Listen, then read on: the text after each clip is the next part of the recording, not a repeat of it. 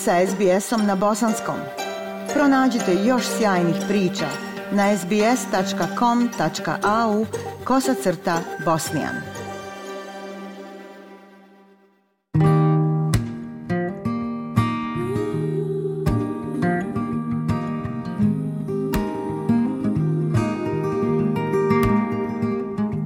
Slušate SBS program na bosanskom jeziku.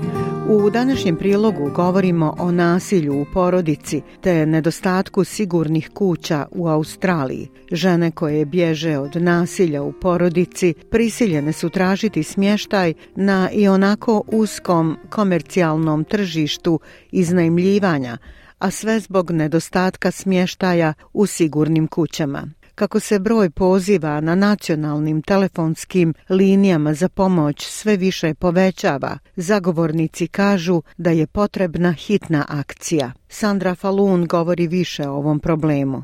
Maja, i to nije njeno pravo ime, preživjela je nasilje u porodici kao migrantkinja iz Indije, borila se da napravi nešto nakon što se san o novom životu u Australiji pretvorio u noćnu moru. I was in India and then I was met him there.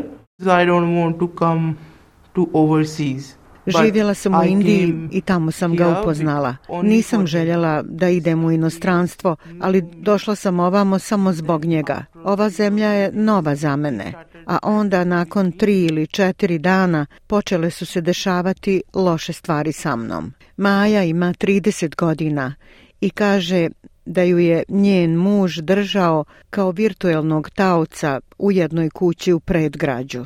He done same things every day. He just came that house for two hours and then just tried to that things like sexually.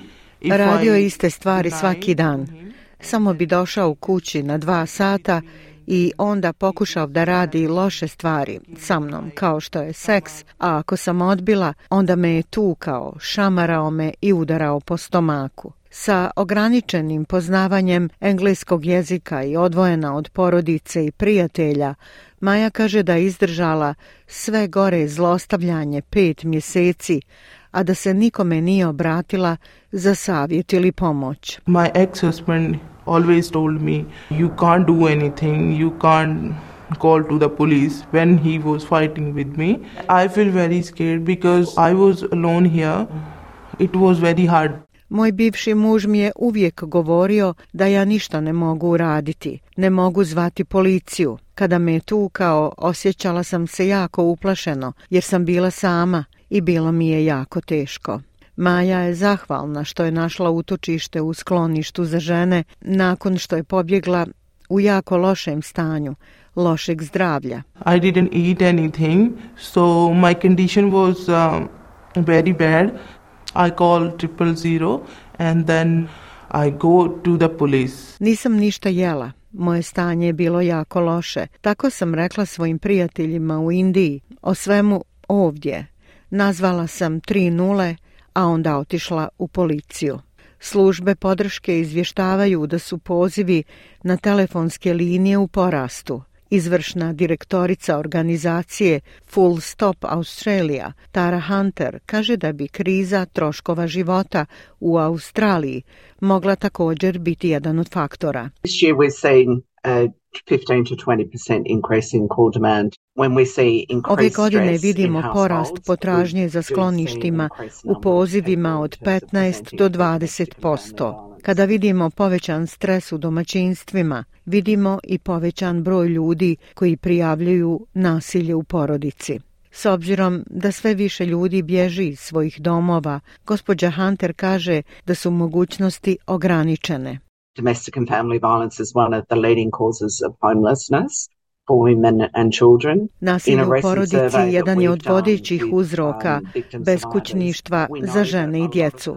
U nedavnoj anketi koju smo uradili sa preživilim žrtvama, znamo da mnoge od tih žena Uglavnom, zapravo moraju podražiti smještaj u privatnim nekretninama za iznemljivanje, a to zapravo stvara čitav niz dodatnih problema za njih u smislu mogućnosti da se sačuvaju, ali i što je još važnije, sposobnosti da se oporave. Jedna sigurna kuća na sjevernoj obali Sidneja, koje se oslanja na privatna sredstva, nedavno je bila prinuđena da preseli svoje stanovnice radi hitnih popravki. Predsjedavajuća skloništa za žene Hornsby Kuring Guy, Catherine Knox, objašnjava. Black mold everywhere, there was a lot of water damage, a lot of rotten wood. We've really been desperate for funds to help us do that building work because we need to provide Crna prijesan je bila posvuda. Bilo je puno oštećenja od vode puno trulog drveta. Zaista su nam očajnički bila potrebna sredstva koja bi nam pomogla da obavimo velike građevinske radove jer moramo osigurati siguran dom. Imamo do osam žena kada je zauzet, a sve su pobjegle od nasilja u porodici ili su bile beskućnice. Generalno su prilično traumatizirane. Često dolaze iz situacija u kojima žive u strahu dugo vremena žene migrantice sa ograničenim društvenim vezama mogu se suočiti sa dodatnim poteškoćama, smatra profesorica Manjula O'Connor, psihijatrica specializirana za rodno zasnovano nasilje. Migration makes women more vulnerable they have less knowledge, less access, they are often isolated, they often Migracija don't čini žene ranjivim, imaju manje znanja, manje pristupa, često su izolovane, često nemaju podršku koju bi im njihove porodice mogle pružiti kod kuće. Količina stigme i srama i osjećaj neuspjeha je toliko velik da žene nisu u stanju da se natjeraju da potraže pomoć sve dok ne bude prekasno. Prema Zavodu za statistiku, jedna od šest žena u Australiji doživjela je nasilje od partnera s kojim živi, a ta brojka je još veća među ženama migranticama i izbjeglicama. Tara Hunter objašnjava. This is a national crisis and we absolutely need to uh, Ovo je nacionalna kriza i apsolutno moramo djelovati odmah. I ne radi se samo o odgovoru policije. Moramo obezbijediti resurse za cijeli sistem. Moramo se pozabaviti stavovima zajednice i također moramo pružiti stvarnu, praktičnu podršku preživjelim žrtvama.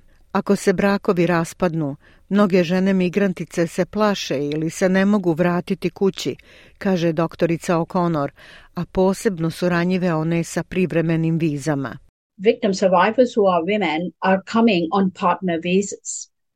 And which basically means that their sponsor, Žrtve koje su preživjele su žene sa partnerskim vizama, a to u osnovi znači da njihov sponsor, koji je obično njihov muž, zna mnogo više o sistemu. Oni tada znaju jezik, a zapravo su sponzorisali posjetu svog partnera, što znači da imaju veliku moć, jer jedan od trikova koje počinioci koriste je prijetnja da će ukinuti sponzorstvo za boravišnu vizu.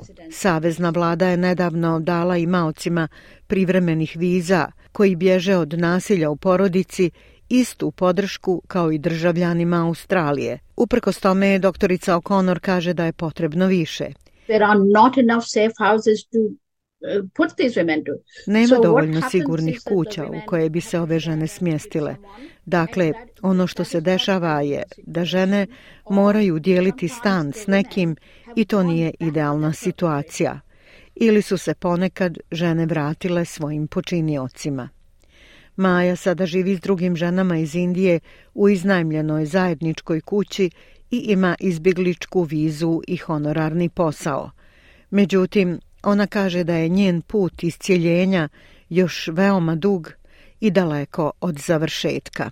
Ako je vama ili nekome koga znate potrebna podrška, možete se obratiti za savjet ili pomoć na 1800 Respect na broj telefona 1800 737 732 ili pozvati Lifeline na broj telefona 131114 za savjetovanje i podršku za muškarce koji imaju probleme sa bijesom, vezom ili roditeljstvom, nazovite službu za upućivanje muškaraca na broj telefona 1300 766 491.